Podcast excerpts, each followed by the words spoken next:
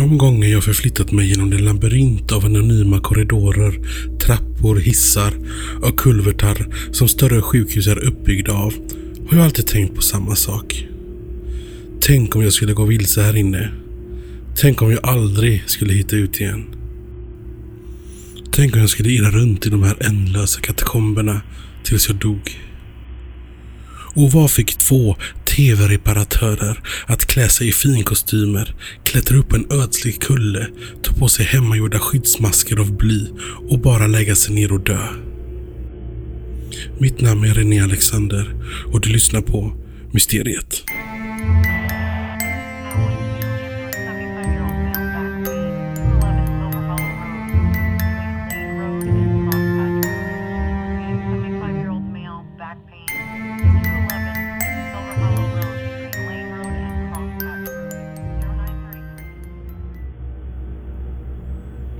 Vi ska börja prata om vad som hände den 78-åriga finländska kvinnan Aili Sarpio. Jag tycker att fallet Sarpio är ett av de mest kusliga finländska försvinnanden. Personen, platsen, händelsekedjan, hur man än vänder och vrider på det hela så stämmer det inte. När en människa försvinner kan man ofta se en sannolik förklaring. En händelsekedja av typen Berusad man i närheten av en å faller i och drunknar. Kroppen driver iväg och försvinner. Det som hände med Aili Sarpio var något mycket osannolikt. Aili Sarpio var inte dement eller självmordsbenägen. Hon var en pigg och aktiv dam som njöt av livet på sin ålders höst och hon försvann från ett sjukhus i en liten finländsk stad. Från vad som borde vara tryggast tänkbara miljö för en gammal kvinna. En vithårig liten mormor sover gott mellan sjukhusets starka lakan. I sängen bredvid sover en annan tant. Och nattsköterskan tittar till sina skyddslingar med jämna mellanrum. Då plötsligt händer det otänkbara. Mitt i mörka natten försvinner Ailey. Hon har bara sjukhuskläder och tofflor på sig. Inga smycken, inga identitetshandlingar. Ute är det ruggigt, sju grader och regn. Dramat utspelar sig natten mellan den 13 och 14 september 1988. Aile Sarpio befinner sig på Reuma sjukhuset. Ett specialsjukhus för reumatiska sjukdomar i sin hemstad Heinola. Hon har sökt vård för smärtor i nacken och är nu inlagd för att genomgå en rutinundersökning. Tanken är att Ailey ska tillbringa två, tre nätter på sjukhuset. Aili Sarpio var som sagt en pigg pensionär, änka sedan många år, men med många vänner och intressen och god kontakt med släkten och barnbarnen. Hon bodde i ett servicehus i Heinola inte för att hon behövde hjälp med de dagliga sysslorna, utan för att hon trivdes med sällskapet och tryggheten.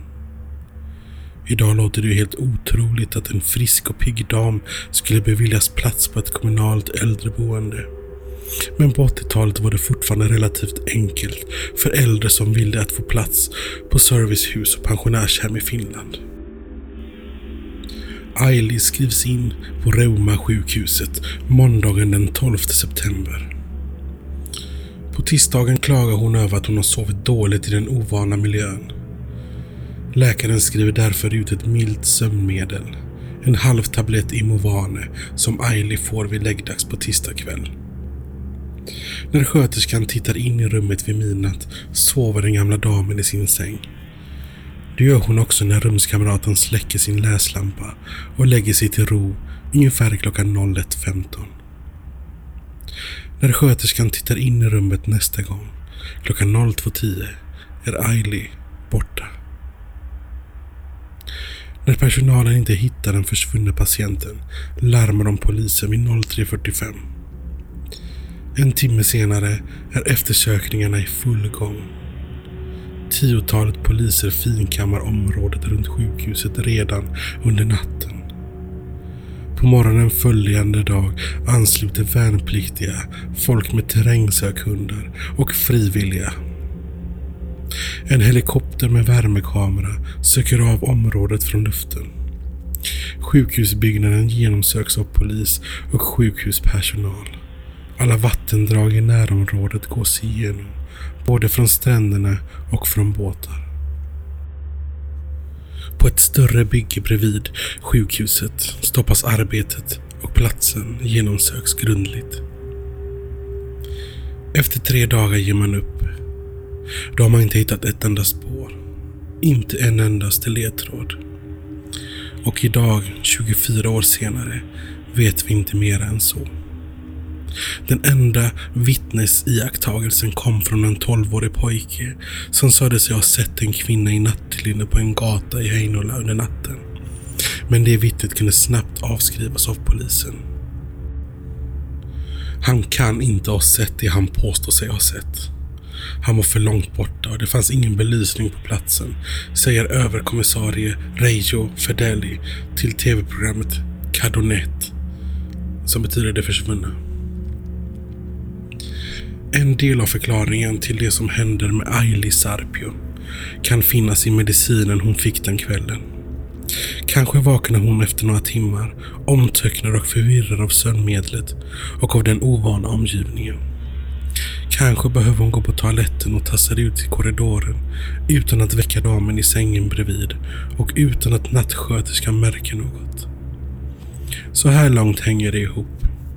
Men sedan då? Vad är det som sedan händer som gör att Ailey försvinner utan att lämna ett spår efter sig? Blev den rediga och pigga kvinnan så fullkomligt från sina sinnen av en halv sömntablett att hon inte alls förstod vad som hon höll på med? Aili Sarpios släktingar misstänker att lösningen kan finnas inne på sjukhuset. De upplever att man från sjukhusets sida gjort allt för att tysta ner det som har hänt och velat undvika på att svara på frågor. De anhörigas begäran om att få till en utredning om något fel i vården eller någon olycka orsakat Ailes försvinnande, det avslogs. Och de fick kämpa i nio år innan sjukhuset gick med på att lämna ut Aili Sarpios journal till dem. Det har varit svårt att få tala med någon i telefon och helt omöjligt att få träffa någon. Och vi har inte fått någon information kring hur man gick tillväga när man sökte igenom sjukhuset, säger Aili Sarpios barnbarn Katarina Melvas i tv-programmet Cardonet. På nätet florerar vilda teorier om mordiska nattsköterskor och uppgifter om rum som aldrig någon gick in i inne i det tio våningar höga sjukhuset. Och enligt uppgift ska sopnedkasten på många finska sjukhus ha varit rena dödsfällorna ännu på 80-talet. Om Aili tog sig ut från sjukhuset och försvann i terrängen däromkring borde hon, i alla fall något spår av henne, ha hittats. Sjukhuset ligger i skogsbrynet i ett område som på den här tiden var ganska ödslig, cirka en kilometer från Heinolas centrum. Men det är ingen ödemark. Det är ett skogsområde som ligger nära stan och som är flitigt frekventerat av bär och svampplockare. Området har fått tät bebyggelse under åren efter Ailis försvinnande. Dessutom kan hon omöjligen ha tagit sig långt in i skogen. Det var becksvart. Hon var 77 år gammal, blöt och nerkyld. Hade hon försvunnit i skogen borde gåtan ha fått sin lösning vid det här laget. Kanske försvann hon in i vattnet. En vik av en insjö och en mindre kärn finns i närheten av sjukhuset. Här finns inga broar eller kajkanter, så hon måste i så fall ha trillat i från stranden. Och då borde hon ha hittats ganska omgående. Om inte annat borde hennes tofflor ha flutit till land. Kanske kom hon aldrig ut från sjukhuset. Gick hon vilse i den stora byggnaden och förolyckades. Det verkar otroligt att en kropp skulle ligga oupptäckt i så många år. Men det skulle förklara frånvaron av spår utanför sjukhuset. Reuma sjukhuset gick i konkurs 2010. Idag används delar av byggnaden som åldringshem. Kommissarie Federley säger i tv-programmet Cadonet att polisen har uteslutit brott och självmord. Han anser att det är omöjligt att hon har blivit kvar inne i sjukhuset. När programledaren uppmanar honom att som erfaren polis ge sin teori om vad som hände med Aile Sarpio drar han på svaret. Det är svårt att gissa i det här fallet då vi tyvärr har så lite information. Men som jag ser det så finns det två möjligheter. Att hon på något sätt kommit ut från sjukhuset och försvunnit i skogen eller i något vattendrag. Om hon finns i skogen är det mycket märkligt att hon inte hittats. Och vattnen har genomsökts mycket noga. Men man kan ju aldrig vara 100% säker på att man inte missat någonting. Jag håller i stort sett med Federley. Men när myndigheter och makthavare börjar konstra och hålla inne med information anar i alla fall jag ugglor i mossen. Varför dröjde det nio år innan familjen fick journalerna? Som i sig inte innehöll något som spred ljus över fallet. Hade Roma sjukhuset någonting att dölja? Vad tror du kära lyssnare?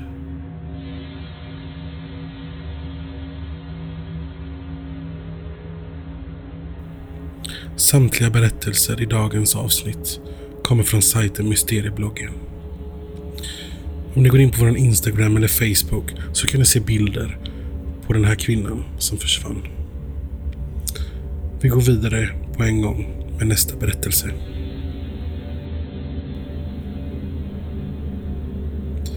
Brasilien år 1966. Mysteriet med männen och blymaskerna har fascinerat Latinamerika. Vad hände där på kullen egentligen? Och vad hände innan männen hamnade där? Trodde de att de skulle bli upplockade av ett UFO? Planerade de att göra en resa i tiden? Eller blev de offer för ett brott vars lika värde aldrig skådat? Manuel Pereira da Cruz och Miguel José Viana var tv-reparatörer och arbetskamrater i den lilla staden Campos dos Coitacas norr om Rio de Janeiro. Den 17 augusti sa de till sina familjer att de skulle iväg och köpa elkomponenter som de behövde till sitt arbete. Männen tog bussen till Niterói, en tre timmars resa som blev deras sista. Tre dagar senare hittar en pojke som leker med sin pappersdrake de döda männen på kullen Morro do Vintem. De ligger sida vid sida i det höga gräset, klädda i identiska kostymer och remrockar av trenchcoat-modellen. Över ögonen ligger de märkliga maskerna. Lite valhänt tillverkade i bly och utan öppningar för ögonen uppenbarligen är gjorda för att skydda mot strålning. Maskerna hade Da Cruz och Viana själva förfärdigat i sin verkstad hemma i Campos, där polisen hittar plåten som de skurit ut maskerna ur. Men polisen i Niterói kan bara konstatera att männen är döda. Det finns inga tecken på strid på platsen och inga skador på kropparna. Bredvid de döda ligger en tom vattenflaska. En förpackning med två nyinköpta handdukar och en anteckningsbok där en av männen hade skrivit ett kryptiskt meddelande. 16.30 Estar no local determinado. 18.30 Ingerir cápsulas apos efeito proteger metais aguardar sin mascara.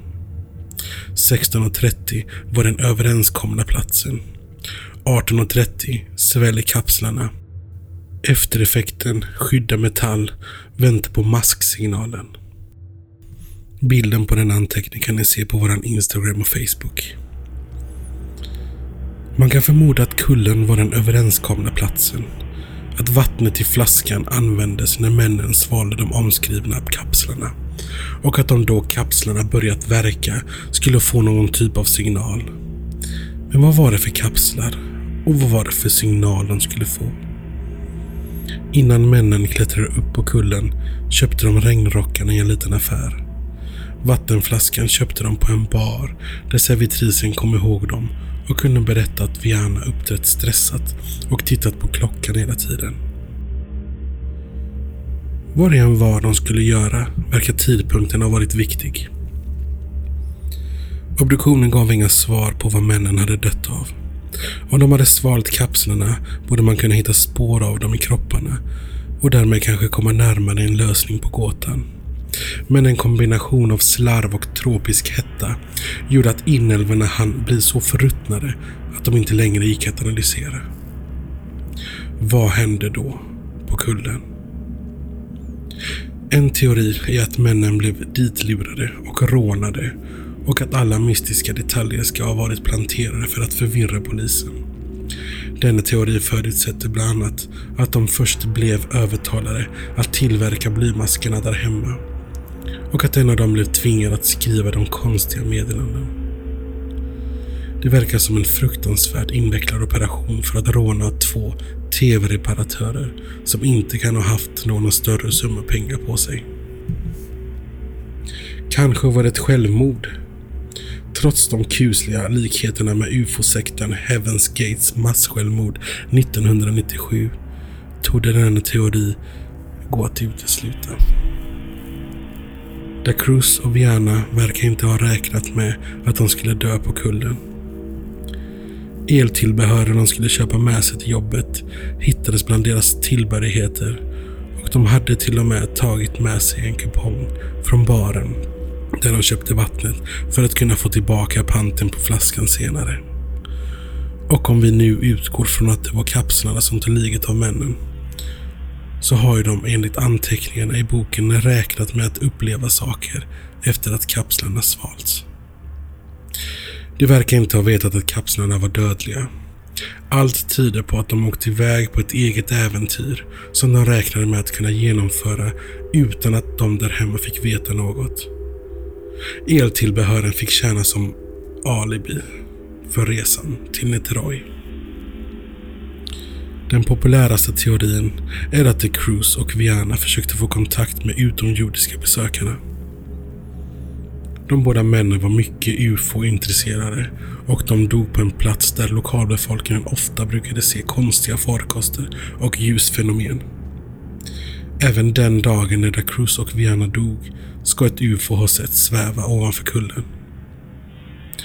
Var Da Cruz och Viana två virrpannor som inbillat sig att kapslarna skulle få fantastiska saker att ske? Blev de lurade av någon utomstående som av någon anledning ville ta livet av dem och råna dem? Eller hade dessa två till synes alldagliga tv-reparatörer och hobby-ufologer kommit på något fullständigt banbrytande. Något som kunde ha förändrat alla vår tillvaro och världsbild. Om de bara inte hade misslyckats. Vad tror du kära lyssnare hände på Morro do Vintem? Som sagt, dagens avsnitt kom från sajten Mysteriebloggen. Jag vill passa på när vi ändå är här att tacka er kära lyssnare för de fantastiska fina recensionerna och toppbetyg på både iTunes och Facebook. Vi har gått från en liten podd som startade i januari, några hundra lyssningar per avsnitt, till idag att ha över 150 000 unika lyssnare och ett snitt mellan 20 till 60 000 lyssningar per avsnitt. Det är en fantastisk siffra som jag blir jätteglad över. Tipsa gärna era vänner och bekanta om de har liknande intressen. Och dela gärna med er på Facebook och allt det där. Eh, jag blir otroligt tacksam. Ja, och som vanligt. Mitt namn är René Alexander och du lyssnar på Mysteriet.